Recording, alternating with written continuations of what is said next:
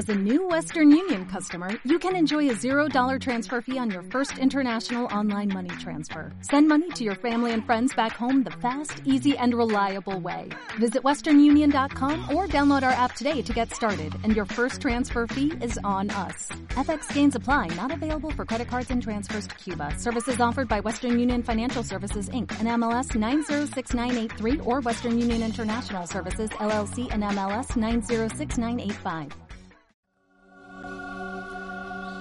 Obsesionado con la juventud y la inmortalidad, misógino y antisemita, de carácter lánguido y enfermizo, fue un hombre inteligente, culto y de alma viajera donde los haya.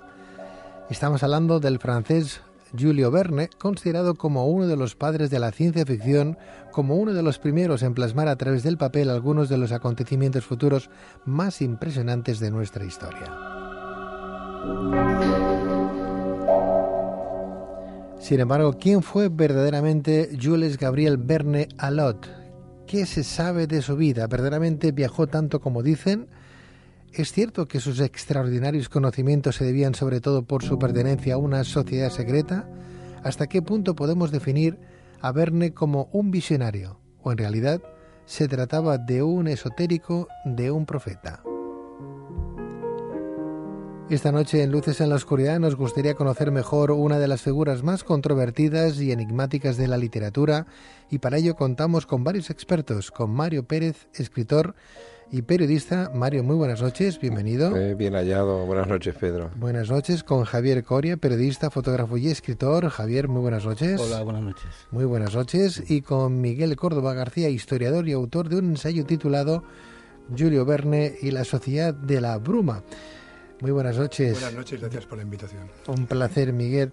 Hay que decir que tienes este manual escrito y apoyado por el Ayuntamiento de Barcelona, por la Diputación, por la Generalitat de Cataluña, que lo has publicado bajo la Biblioteca Pública Arús. ¿Ahí lo podemos encontrar? Sí, sí. Está al alcance de ventas. Un manual eh, muy pequeñito en sí, porque son cincuenta y tantas páginas, sesenta páginas, Sí. pero que definen y demuestran perfectamente quién era eh, el personaje que esta noche vamos a comentar, ¿no? Sí, sí. De alguien que tú has trabajado e investigado muchísimo.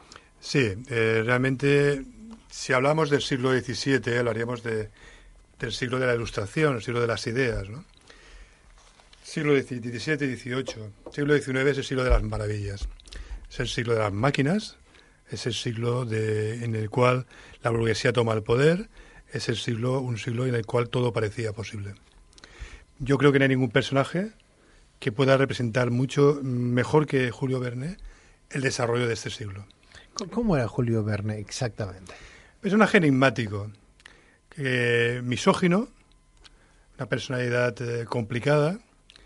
Eh, él, en realidad, eh, aunque, aunque- parezca que, que es- había viaja- viajado mucho, él lo que era un gran sis- sistemático. Él recopilaba cada día toda la información científica de la época.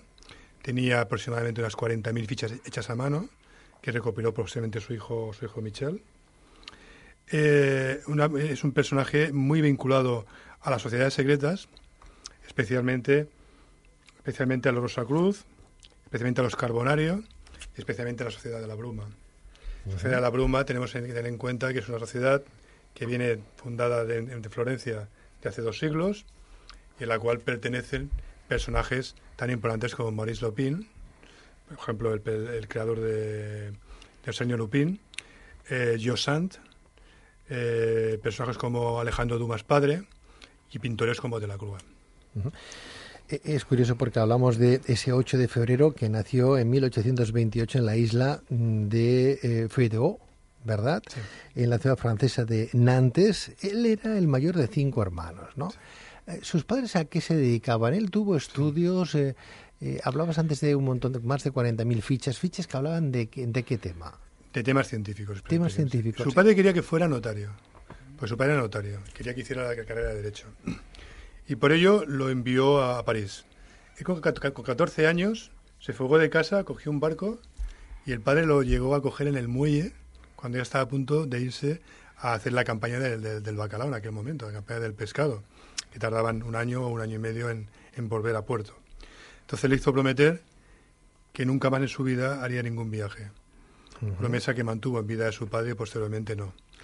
eh, lo envió a París, pero él tenía una grandísima vocación por la literatura, eh, trabajaba en un teatro y al final esta vocación pues se fue imponiendo.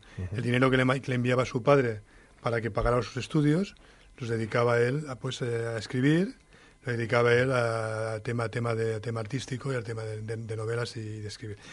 Tuvo muy poco éxito al principio de su, de su carrera y él iba eh, andrajoso completamente. O sea, es interesante su porque cuando él cuando él viaja digamos a París entonces él cae en un teatro el teatro es de la familia Dumas Sí. y les enseña una obra de teatro y le dicen que aquello es malísimo no y que si quiere trabajo pues que puede trabajar en la taquilla y limpiando el teatro que es a lo que él se empieza dedicando. Después escribe obras amorosas que son también igualmente horrorosas Pues sí, y entonces más tarde llegará Etzel, que será el que le dirá de hacer obras de carácter científico. Javier, sus padres entonces no eran, no eran gente pudiente. No, en principio no. Él, pero él, Bueno, tampoco eran pobres. Pero eh, bueno, eran de, de la burguesía, Ah, como, como Verne lo era. Él estudió, la, como se ha dicho, la carrera eh, de leyes. Estuvo un tiempo trabajando en teatros también, aparte de lo que ha dicho el compañero, también incluso como administrador. Y toda su obra principal, escrita hasta aquella época, antes de, de- de asociarse con Hexel, eran obras de teatro, dramas, que incluso después se, se- algunos de esos dramas se, se recomponieron para hacer novelas de ¿Con- viajes extra- extraordinarios. ¿Él, él murió con qué edad? Murió relativamente joven. En- no sé, aproximadamente tenía unos 60 años. En aproximadamente. 1905 murió, sí. Sí, Unos, 60 sese- años. unos 60 años. Sí, con- después de unos episodios bastante, bastante misteriosos y enigmáticos. Y al margen de estos episodios, ¿qué se sabe de su vida? ¿Se casó? ¿Tuvo hijos? Él era completamente misógino, eh, yo creo que era homosexual, bajo mi punto de vista. Pero tuvo dos esposas, época- ¿no? No sé, yo- Sí. Bueno, sí, tuvo una viuda, se casó con una viuda, fue profundamente Ujú. desgraciado en su matrimonio, la viuda tenía dos hijos, luego tuvo un hijo con ella, y él, por ejemplo, tenía entre sus aficiones, pues, y asistir a bailes de travestido, Mm. por ejemplo, ¿no? Pues una cosa muy, no muy conocida. Sí, yo tengo la- le- eh, cuando cuando leemos a Verne, cuando leemos a Verne, que yo creo que es un primero yo pienso que es el último novelista romántico que ha habido y que se, se ha leído mucho, se ha leído mucho, pero se le ha comprendido poco, primeramente porque no se conocía mucha de, su biografía y mucho de ese doble Verne que tenía que él intentó esconder, ¿no?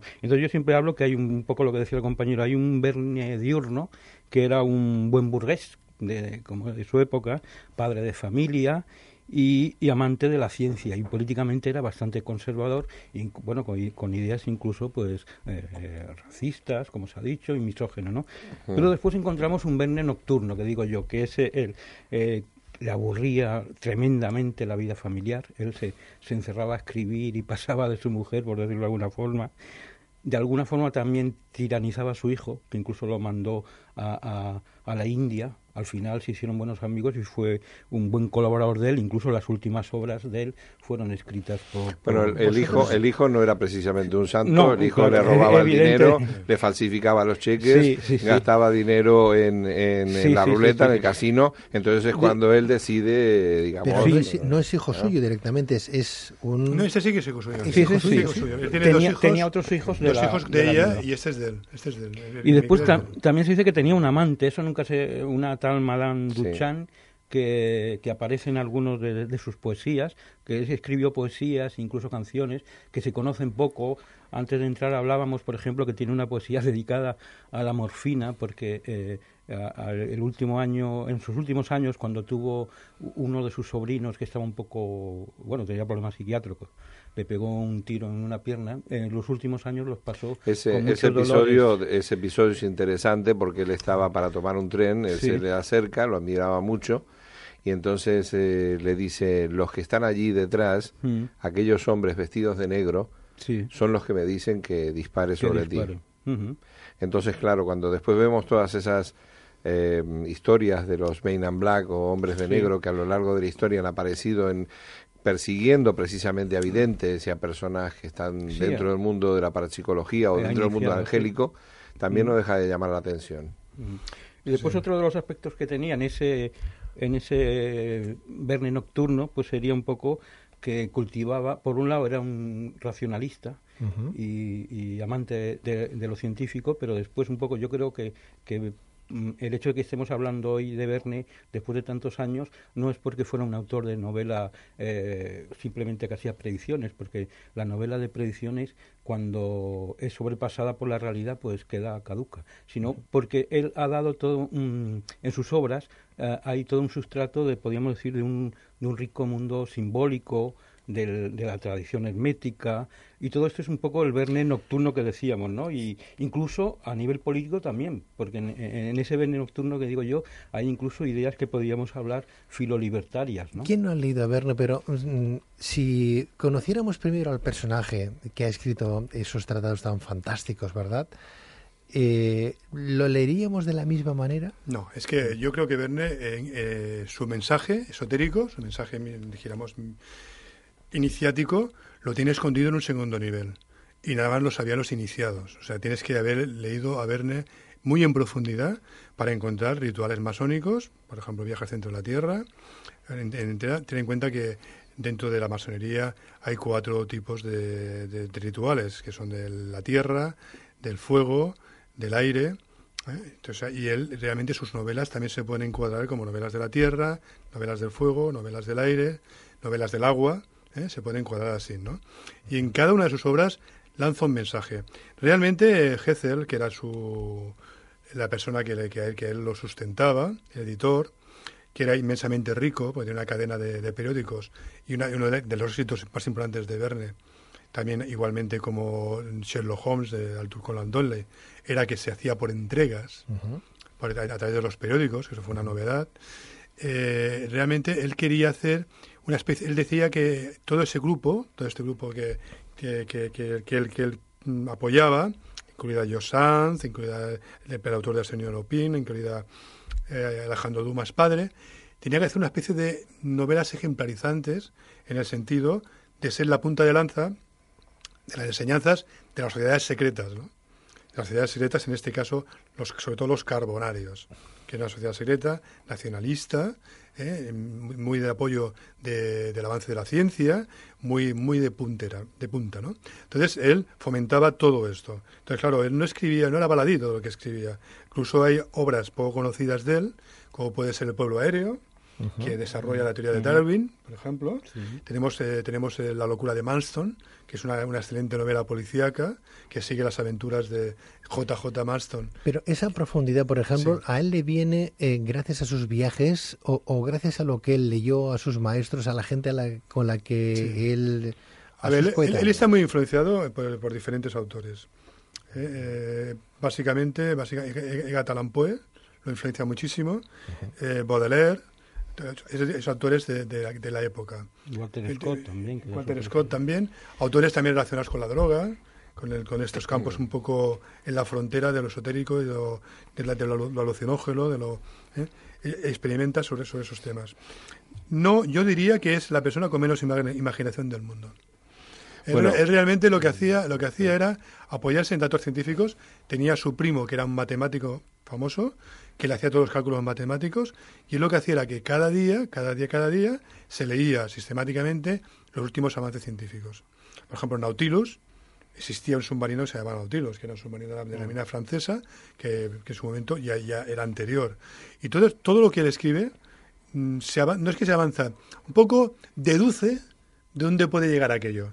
Pero él realmente, como imaginación, como inventarse cosas, se inventaba poco. ¿eh? O sea, un visionario no era. No, no, no. no. Lo, suyo tenía, lo suyo tenía un objetivo claro, que era leccionar a la sociedad, y él pensaba que la sociedad final sería una sociedad mm, utópica. ¿Con qué tipo de valores?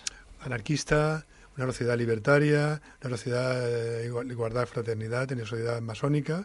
Ese era, el, ideal que tenía. El socialismo utópico de la, socialismo utópico de la, época, mezclado con, con anarquismo. ¿E-, ¿Él militó entonces en alguna orden hermética como la masonería, por ejemplo? Bueno, a ver, cuando hablamos de la masonería, muchas veces se dice no fue masón porque no se han encontrado documentos. Bueno, es que documentos de dirección masónica no se encuentran muchas veces. Ni tan siquiera No se encuentran muchas veces porque personajes que sabíamos perfectamente, porque ellos han declarado que son masones, no había documentos. Yo creo que era masón, porque Alejandro Dumas padre eh, él sí que era masón. Gesell también. también. Nadar. Eh, Josan también era, pertenecía a la masonería Nadar, femenina. el, Eliseo Reclus, que era su amigo. Pero- Kiel Klus también. O sea que realmente yo creo que lo era, era masón. E incluso en sus libros se ve claramente pues este esta defensa de estos ideales masónicos claros. Y lo consiguió. eh, masones y anarquistas, lo que quería Etzel, que era el que manejaba todo aquello, y los hermanos, Du- el padre e hijo Dumas, Nadar, que era anarquista, eran una revolución eh, por la vía pacífica, o sea, transformar la sociedad a través del pensamiento de la gente, o sea, transformarla a través de la educación, de la cultura, y esto sería lo que llevaría a cabo esa transformación. Sí. Pero hay un asunto. Él dice que no es visionario. Yo creo que sí, porque el de hecho del viaje, por ejemplo, de la Tierra a la Luna, eh, hay cosas como que el cohete se dirigirá, estamos hablando de finales del siglo eh, XIX, entonces, claro, hasta el 1970, que 1969, ese- 68 es el, el momento en que el hombre pisa la Luna, entonces no existía ninguna nave Apolo, ni, Sí, pero fíjate- ni la fíjate- velocidad, fíjate que la ni cómo consigue sí. llegar. Sí. Hay muchas cosas que sí forman parte. Y él utilizaba unas técnicas para viajar en el tiempo y el espacio, que era un libro fundamental de la Sociedad Niebla, que es El sueño de Polifilio, de Francisco Colonna, que es del siglo XV, 1400 y algo, y que, sí- que está escrito en distintos idiomas, entre ellos el hebreo, el latín, etcétera, Arameo. y que sirve para realizar viajes espaciotemporales, o sea, sirve para que la imaginación nos lleve a distintos puntos.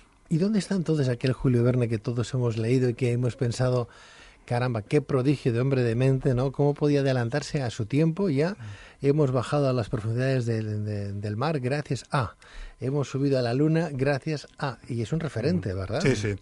Bueno, yo, claro, yo pertenezco a una generación, soy un poquito mayor que vosotros, pertenezco a una generación en la cual no teníamos eh, juegos de Internet, pero que yo realmente descubrió ante mí los olores, los paisajes, los sabores y las percepciones de la aventura, ¿no?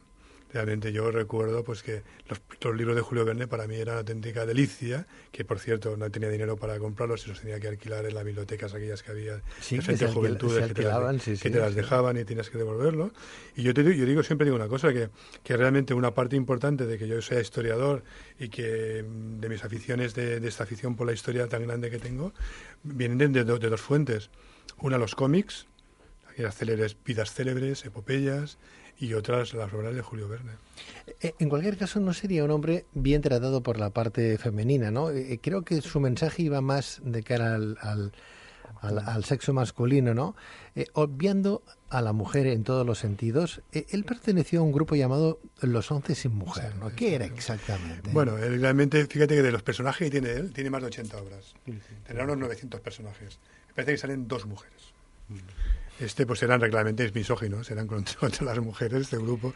Estos eran los que se Sí, travestían. pero de todos modos hay que... En la época de los folletines también exist- existía, por ejemplo, había un madame, no me acuerdo cómo se llamaba, que escribía los folletines para las mujeres, que eran lacrimógenos y tal, y él un poco tenía la función de escribir para los chicos. Y, Y, pero, y también era amigo de, muy Claro. amigo de George Sand, y Sí. George Sand era muy feminista, Era muy entonces feminista. no creo Pero- yo que si él hubiera sido muy misógino, hubiera Bueno, sido tan yo creo un poco de ella. fue por eso, porque incluso en sus últimos días él escribió una carta, él escribió una ¿eh? en, en sus últimos días él dejó escrito que, que una de las cosas que se arrepentía es de no haber hablado más del amor en sus novelas, por ejemplo. Lo que hablábamos antes de, de un romántico en ese sentido, ¿no?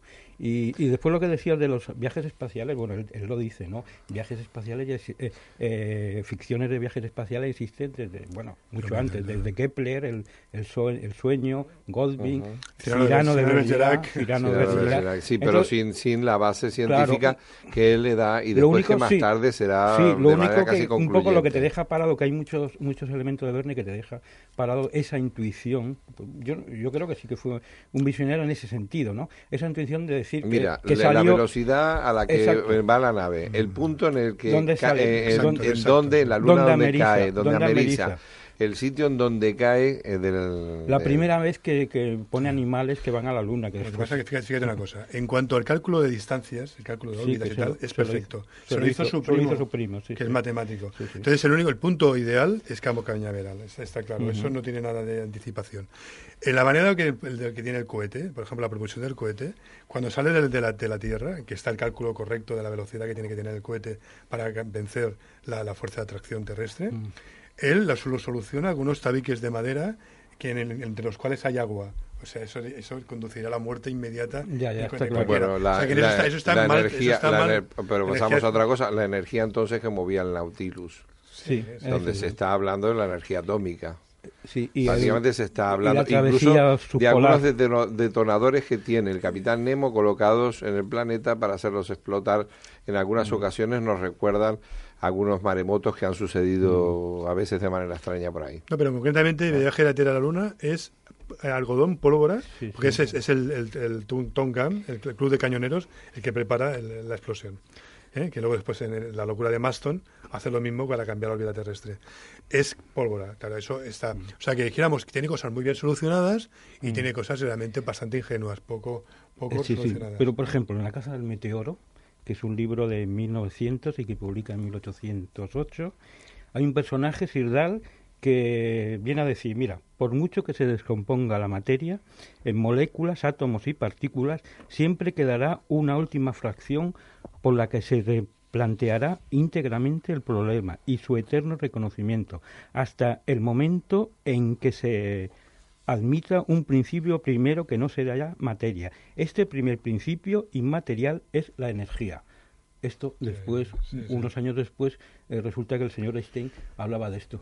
Por cierto. Entonces, evidentemente... Sí, y la eh, física cuántica del, claro, al- del eh, alma, del alma del átomo. Evidentemente que en aquella época, o sea, a finales del siglo XIX, pues la, la física se tambaleó porque Mm. se descubrió, por ejemplo, que el éter no existía y eh, se empezaron a descubrir los rayos X y la radioactividad, etcétera. Y entonces, claro, empezaron a haber teorías de todo tipo y, y se- en la física teórica se empezó a hablar, pues, de, de- de- de ideas, como has dicho tú, que apuntaban a la, a la física cuántica, cuántica Física la relatividad. sí. Pero claro, yo creo que un tipo lúcido, intuitivo como Verne, que además tenía toda esa información que de, de esas 40.000 fichas que tenía, pues supo poner, encarrilar todo aquello que se hablaba, ¿no? Por eso veo yo que en ese sentido sí que era un, Sí, sí. un visionario, ¿no? Hay, hay curiosidades, hay cosas muy, muy, muy curiosas, ¿no? Porque hablando precisamente de Albert Einstein, el día que murió Julio Verne fue el mismo día, el mismo mes, el mismo año que nació Albert Einstein. Sí, sí. O sea La que hay- idea, hay- la idea que de Julio Verne decía que para él el tiempo era mm, circular y lo asociaba al mito del eterno retorno, ¿de dónde le viene? Eso son ideas, son ideas iniciáticas masónicas. Mm. Lo que está arriba está abajo, eso es muy antiguo, eso es, de- eso es el alquimista. Alquimista. La muerte simbólica, el renacimiento, bueno. Antes El- hablabais el- del... el- El, el- el- el el eterno retorno, Adán. sí, El el eterno Adán. Sí, el eterno Adán es el eterno. Temas muy antiguos. Estamos hablando de diferentes eh, libros eh, que componen la obra, extensa obra de Julio Verne. Podríamos ir a remontarnos a diferentes tratados, no sé, 20.000 leguas de viajes submarinos, eh, de la Tierra a la Luna, viaje al centro de la Tierra, la isla misteriosa, la vuelta al mundo en 80 días, cinco semanas en globo. Los, los que tienen ya una cierta edad sin mirar a nadie, ¿no, Miguel? Sí. Pues han leído algún que otro libro de Julio Verne y, y lo han disfrutado. Hoy, fantástico. Mm. Y además tiene, eh, tiene una característica, que no se pasa. Claro, bueno, ahora No, no, la gran pasa, pantalla eh, nos, nos ofrece un Julio Verne diferente, con actores del momento, Sí, con sí. ese em, Capitán Nemo, ¿verdad? Y Mm. con ese Nautilus tan tremendo. Sí, sí. Y siempre, siempre es actual. Y por muchas veces que lo leas, es distraído, está bien escrito. eh, y luego después tiene auténtico tratado de supervivencia, ¿no? Porque, por Sí. ejemplo, todo el tema de, de la isla misteriosa, todo el tema de, de, lo- de los, los modernos Robinson, Mm. todo esto realmente es un tratado de supervivencia. Entonces, te quedas en una isla sin nada y simplemente con ese libro, pues sabes cómo conseguir agua, sabes cómo- Es que realmente es un tratado práctico increíble. tiene- Solo, solo había un problema en España que hemos tenido mucho problema con, con las ediciones de Julio Verne, porque hubo una, una época que los editores, para hacerlo más asequible al público, pues quitaban todo lo que eran las explicaciones científicas, por ejemplo, para hacerlo. Y entonces eh, bueno, en los años 90. Sí, en los años 90 se empezaron a hacer ediciones y las de ahora ya son originales, pero todo lo que leímos nosotros eran adaptaciones de Verne en realidad. No, no obstante, aunque para sorprendente la novela titulada París en el siglo XX y escrita en 1863, ¿no? Eh, contrario, porque es cierto que se trata más bien de un libro un tanto profético, porque claro, eh, en el libro creo que predijo que las grandes ciudades del futuro estarían iluminadas por luces eléctricas de gran potencia, predijo la existencia de un tren metropolitano que recorrería la capital francesa, la existencia de la silla eléctrica como medio de ejecución, el fax. Claro, podría tener un amigo, un vecino, un primo otras cosas como, que fuera muy matemático. Este, este, libro se publicó en 1930. ¿eh? Este libro fue publicado póstumamente a la muerte de él. Era de los libros que dejó en el Arcón. Yo diría que hay otro más, más apocalíptico, que es la, extraña, misión, la extraña aventura de la visión Bazar. Ese ahí habla de la, de la, de la historia atómica, ahí habla de, de, la producción en serie, ahí habla de un montón de mm. cosas, y ese es de los más apocalípticos que tiene. Pero de, su Julio Verne saber en finales del siglo XIX Hay una cosa que, que, dice en París siglo XX, que es de las más bonitas y que no se han conseguido, que decía que entonces en la ciudad de París habían unos hilos, unas, unas, unos hilos, y algo, eh, unos hilos que recorrerían toda la ciudad y que emitirían a través eh, de ellos música y mm. conocimientos matemáticos, y que esto sería absorbido por el subconsciente humano, no de manera consciente, sino que la gente no lo sabría, pero estaría, digamos, eh, conociendo y cogiendo cultura sin, sin apenas notarlo. ¿eh? Una cosa que a veces se han hecho con esos cassettes para ponerse de noche, para escucharlos antes de, ir a dormir, ¿no? Bueno, mientras uno está en el momento del sueño. hay cosas curiosas, por ejemplo, Aventuras de un reportero en Nueva York, en el año 2045, que habla de Gibraltar, ¿no? y dice que es más fácil que se caiga la luna que de que los ingleses no devuelvan Gibraltar, cosa que sí que es una anticipación clara y ahí, y ahí sale la televisión. En esta, en, esta, en, esta, en esta obra concretamente sale la televisión. ¿En los gobiernos llegaron a tener miedo a Julio Verne? Yo creo que no, yo creo que no. Yo creo que fue un personaje, si es que se le tenía por utópico. No, en Francia sobre todo no, porque él coincidió con la época de Napoleón III, que también era carbonario y también era también había sido sociedad iniciática, y, él, y bueno, y los Felipe de Orleán, que también era masón. O sea que realmente todo estaba bastante cubierto las espaldas en cuanto... Incluso ocupó un cargo público él, y no, me acuerdo si eran antes, y hizo construir un, un circo. Eh, que estuviera de manera estable para que todos los artistas actuaran allí. Porque los carbonarios eran una especie de excepción de la masonería. Sí, vamos a ver, los masones son, este, son gremios de eh, albañiles, masón. Los carbonarios eran gremios de carboneros, de los que hacían carbón. Eso surge en Italia, sobre todo con el resurgimiento y sobre todo con, con, el tema de la independencia italiana. Lo que pasa es que a diferencia de los masones, Podemos decir que todo carbonario era masón, pero no todo masón era carbonario, porque la masonería prohibió la afiliación a, ser carbonario. ¿Por qué? Porque los carbonarios actuaban activamente o sea, iban Garibaldi, tenían su ejército, tenían su, ellos, ellos, ellos, estaban luchando contra los austriacos, pero con el fusil en la mano. Independentistas. independentistas. nacionalistas. eran anarquistas. Nacionalistas total, como los Illuminati de Baviera, también igual, nacionalistas. Y esto, claro, la masonería no, no, lo, lo excluyó, lo excluyó. Como esto fue un fracaso al final, bueno, pues queda, quedó esto, claro. El carbonario se había desde Mancini, Vittorio Emanuele, Cabur, Felipe Fernando Lesseps, en esa época muchísimos. Los carbonarios, se, sobre todo, eh, su principal característica era que estaban muy apoyados en cuanto a las obras hidráulicas, a la modernidad. Por ejemplo, Piamonte fue el país de Europa en el cual se hicieron las líneas ferroviarias más rápidamente. O sea, el tema de la modernidad de las máquinas y tal, para los carbonarios era fundamental. Y por, por las vías del tren se, se, impartieron, 1834. se impartieron esas ideas Lo que pasa que yo creo que mm, Werner era una persona más bien pacífica mm. y los carbonarios al cabo del tiempo darán pie al nacimiento de la mano negra, que es una, una, secta que... Y, esos movimientos, ¿eh? esos movimientos como la niebla, eh, eh, ¿Creéis que llegó de alguna manera a la época republicana de aquí, de, España, Alfonso XII, Alfonso XIII, por ejemplo? ¿Lo vivieron ellos también? Los Illuminati tuvieron, tuvieron, y los carbonarios también. Los carbonarios tuvieron aquí sus logias. Mm. Logias carbonarias. Sí, los Illuminati no, no, están muy demostrados, pero los carbonarios seguro, seguro, ¿Algún monarca español que perteneció a alguna sociedad de estas herméticas? Monarca. Mm, masón, sí. Eh, masón, sí. Masón sí. Había muchos eh, militares Lo que pasa es que coincidió con la época de Fernando VII, del deseado, que cuando volvió de Francia a estas sociedades secretas las metió en la Inquisición y los, y los, y los, los metieron a todos en la cárcel. Pero sí, sí que había... ¿Y había trascendió, una- llegó a nuestros días? ¿Eh? Llegó hasta nuestros días, por ejemplo. Sabemos, nos dicen que algún masón hay hoy en el gobierno, ¿verdad? Sí, sí. Sí, hombre, la masonería está plenamente... es- esto es diáfano. No hay ningún problema. Te puedes meter ahí en internet, te puedes meter... Pero cuidado donde te metes. Porque en sitios, para la logia de España, por ejemplo, es diáfano. La masonería funciona. Y ten en cuenta una cosa, que en cualquier país del mundo, si tú eres maestro masón, es lo primero que vas a poner en tu, en tu currículum. Porque eso significa que has pasado por un, por un procedimiento, por un proceso, y que eres una persona de fiar. La masonería, la gente que no es de fiar, se le envía a dormir.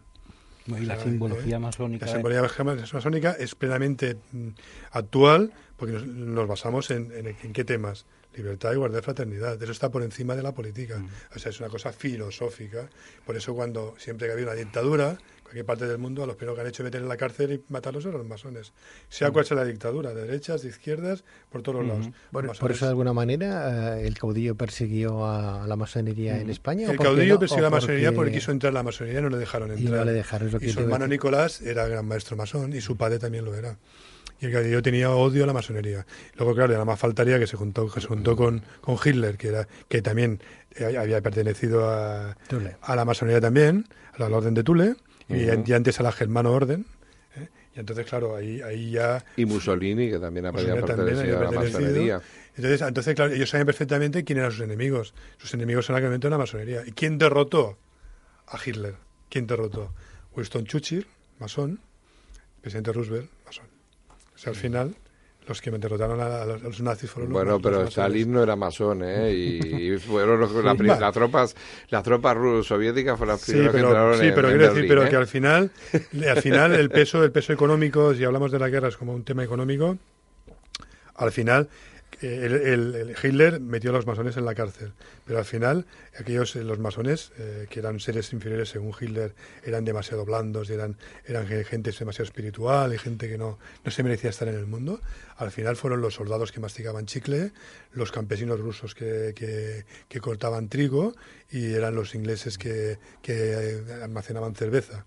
¿Eh? Gente de la calle, esos eran los que acabaron con el hombre superior. En cualquier caso, poner el hoy hombre aquí superior, ¿eh? en España eh, en el currículum la primera frase soy masón, Sí. mm, aunque tengas el grado 33, creo que no sé si está No. muy bien visto. Hombre, Bien, en para, principio- para pedir trabajo en alguna empresa del Opus no creo yo, En ¿eh? principio te digo una cosa, es un tema personal, es un tema, perso- es un tema personal que cada cual puede poner o no ponerlo, eso es un tema personal.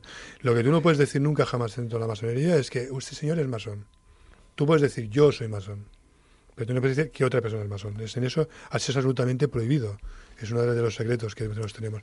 Pero vamos, cada vez está más abierto, cada vez se sabe más de, de la masonería. Antes habéis hablado de la niebla. Sí. Eh, exactamente qué era para que no, se, no perdamos el hilo. En la misma sociedad, en la misma sociedad eh, esta que hemos hablado de, de Florencia, de una sociedad que estaba basada Sí. en el libro de Porfirio, Ujú. que fue evolucionando Polifilo, y- sí, sí. Eh, evolucionó y se llamó la niebla y también se llamó la sociedad angélica. Era la misma sociedad. Este precisamente es niebla por ese sentido de que, de, de que se trabaja sabiendo trabajar Sí, ese libro mentalmente se realizan Y- a través de las geometrías que allí se ven Incluso, se pueden sí. realizar viajes y entonces se, que se comienza a ver a través de una niebla Incluso Julio Verne, en, en el- La Vuelta al Mundo en 80 días, hace una referencia a este libro con el propio nombre del protagonista, que es Phileas, que es lo mismo niebla, que, Pi- fog, que- niebla. y fog, que es niebla en inglés. Y eh, bueno, es un libro Sí, muy señor. conocido por los esotéricos.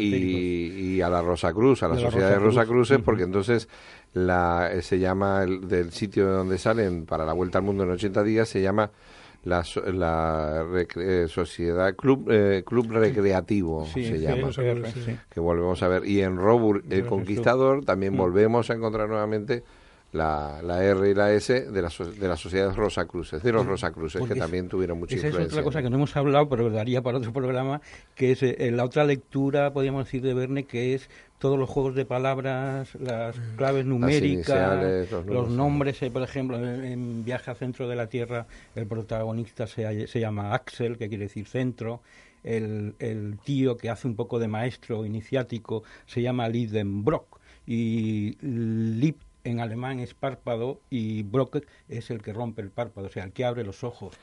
Que, le, que da la luz. ¿Por Sí, qué mezcla entonces estos conceptos? eh, eh, eh, Precisamente porque, como pertenecía a la sociedad iniciática, los que tenían las claves leían sus libros de otra manera, leían sus libros con otro contenido. Por ejemplo, eh, viaje, eh, viaje, 20.000 leguas de viaje submarino. Está claramente, el capitán se llama Capitán Nemo, es Capitán Nadie. Allí hay una, allí hay una, una, una crítica enorme contra el colonialismo inglés. El origen de Capitán Nemo es que le han quitado sí, sus, sí. han matado a su familia, Ujú. es indio y tal. El submarino es una república anar- anarquista. Allí no manda nadie. No hay ningún momento, no hay ningún momento, ningún pasaje de, de, de esto. Y ahí son, digamos, hermanos, hermanos que, eh, que la ceremonia de, de entierro, del entierro, del entierro. En, en el fondo del mar. Bueno, hay una serie de temas, claro, está lleno, está lleno de. Lo que pasa es que sí se insinúa que el Capitán Nemo es eh, un poco autoritario con los demás. Mm. Hay insinuaciones de autoritarismo, con lo cual vemos el carácter, digamos, anarquista de anarquista conservador, para decirlo de alguna Pero manera, eso pasó también- de Julio. Verne, de diciendo que siempre el poder, quieras o no, acaba Claro. Eso- eh, eso pasó un poco con- digamos, con tiranizando las- a quien no tiene. con las ideas del, socia- del socialismo utópico de Cabet, cuando creó las, las colonias cabetistas en, en Estados Unidos. El proyecto Icaria. Pues, Icaria. Creó Icaria, ¿qué pasó? Que llegó un momento en que Cabet se puso por encima de todo y Pues tuvo que ponerse. se tuvo que ponerse y los demás se unieron y lo echaron fuera por autoritario. Precisamente había un catalán en esa primera El- sí. Había muchos catalanes bueno, ahí, el, en, la- la el primer viaje estaba Joan Rovira, que era un, me- médico catalán, amigo de Monturiol, Sí, sí. que hemos hablado antes nosotros, y, y- y- y bueno, fue también por eso, ¿no? Se creó. Y lo- en los falasterios, por ejemplo, el problema que había, Eh, el problema que había es que, claro, cada cual escogía el trabajo que quería hacer. Mm. Entonces resulta que los trabajos pesados lo hacían los niños. Recoger la basura, todo esto, como nadie, ningún adulto lo quería hacer, lo hacían los niños. Claro, es que, Claro. es que esto al final se, se desmoronó porque era absolutamente utópico. ¿no? ¿Y a Julio Verne le quedaba al final tiempo para participar en las tenidas de la masonería de sus maestros, de sus coetáneos? Porque claro, si no... Realizaba puesto- viajes a París también, donde se dice que tenía Estados- amante Estados Unidos y también. donde había las cenidas. Sí. Y a Estados Unidos fue un par de veces también. No fue un masón durmiente. Yo creo que no. De todas maneras, yo creo que al final de su vida la actividad masónica la dejó bastante en suspenso porque estaba muy desencantado. O sea, estaba muy amargado. ¿Desencantado de qué? Pues de, la, de, de- de- de todo, de todo el proyecto, de todo el proyecto en sí, porque al final las máquinas subyugaban al hombre, eh, que el capitalismo salvaje se había impuesto, la burguesía trataba a los trabajadores peor que la monarquía absoluta, y él vio que, que todas aquellas ideas, que parecía que se abría un mundo nuevo, un mundo feliz, el fin del mundo feliz era 1984. ¿eh? En recordar también otro apunte sobre Verne y es que justo antes de morir estaba preparando una obra llamada em, La invasión del mar. Sí. La invasión ¿El del mar. pueblo Quiz- del mar o lo qui- del mar? Quizá más la más apo- apocalíptica de todas, ¿no? Eh, creo que en ella cuenta que Europa sería cubierta por las aguas, las mismas que llegarían desde los polos producto de, un deshielo a consecuencia del cambio climático. O sea, ella se estaba adelantando A los tsunamis que vivimos después. Sí, sí. Incluso en el, atel- en el eterno Adán, que empezó a escribir él, que le- pero después terminó su hijo, también habla un poco que es el, el volver a resurgir y también aparece un tsunami. Hay un Los cierto- ciclos, los los ciclos ciclos, también es una cosa sí. iniciática. Sí. Cada 12.960 años se produce un nuevo ciclo. Hay un paralelismo entre Julio Verne y Nostradamus. No, no, yo, yo no, lo- no lo encontraría, yo no lo encontraría. Bueno, son son sí, épocas muy diferentes. yo sí lo encuentro. Son épocas muy diferentes. Las, las centurias de Nostradamus es un lenguaje muy ambiguo, que no tiene fecha y se le puede aplicar de, de muchas maneras. Para los Sí que hay, profanos- sí que hay para- alguna... Para sí, los profanos también sería Julio Verne en- encontrar el, el, el misterio que tú bien decías eh, que estaba detrás de cada página. Sí, pero, investi- pero investigando eh, encuentras referencias, encuentras nombres, encuentras referencias muy claras. Nostradamus, eh, las centurias no tienen orden y sí que hay alguna clarísima, como por ejemplo aquella del casco de oro, que era eh, que cuando muere el rey de Francia por un lanzazo.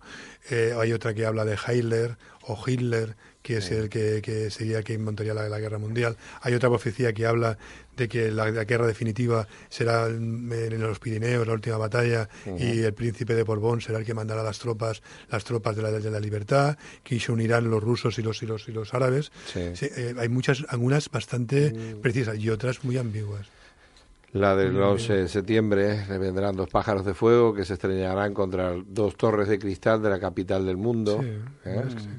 y quizás porque tenía que encriptar más los mensajes porque Nostradamus estaba siendo perseguido por la Inquisición de manera constante, entonces Julio Verne no sufrió en ningún momento ese tipo de persecuciones, entonces podía explicar las cosas tal y como eran, pero quizás si eh, Nostradamus hubiera podido expresarse hubiera sido algo impresionante. ¿Qué os gustaría que quedara hoy claro de Julio Verne, ya que hemos abierto hoy eh, esta tertulia hablando de él y nos hemos basado en él?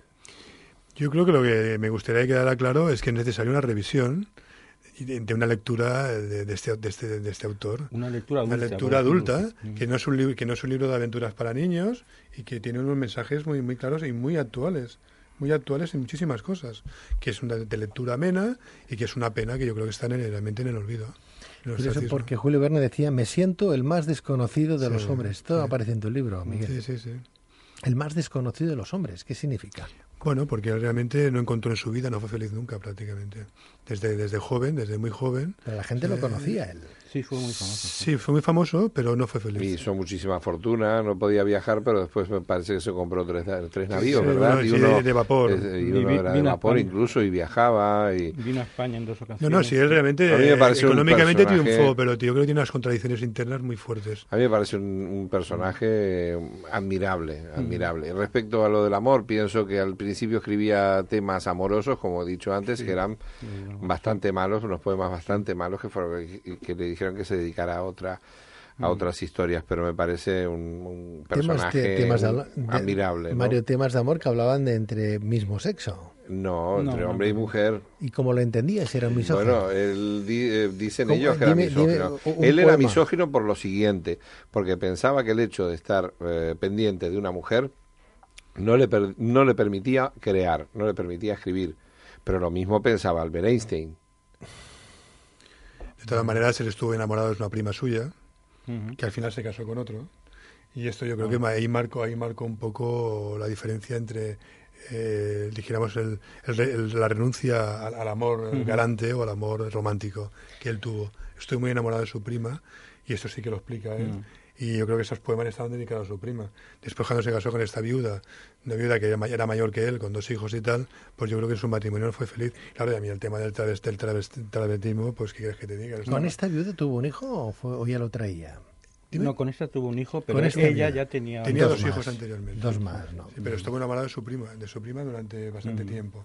Y el tema de que ve un señor vestido de mujer en aquella época, algo, había, no Bueno, el amigo de George Sand que ya se vestía de hombre. sí.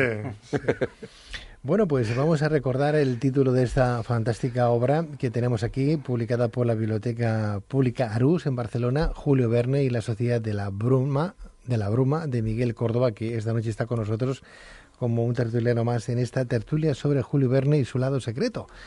Bien, pues eh, algo más que decir sobre el particular, caballeros, Julio Verne. Yo que lean a Verne.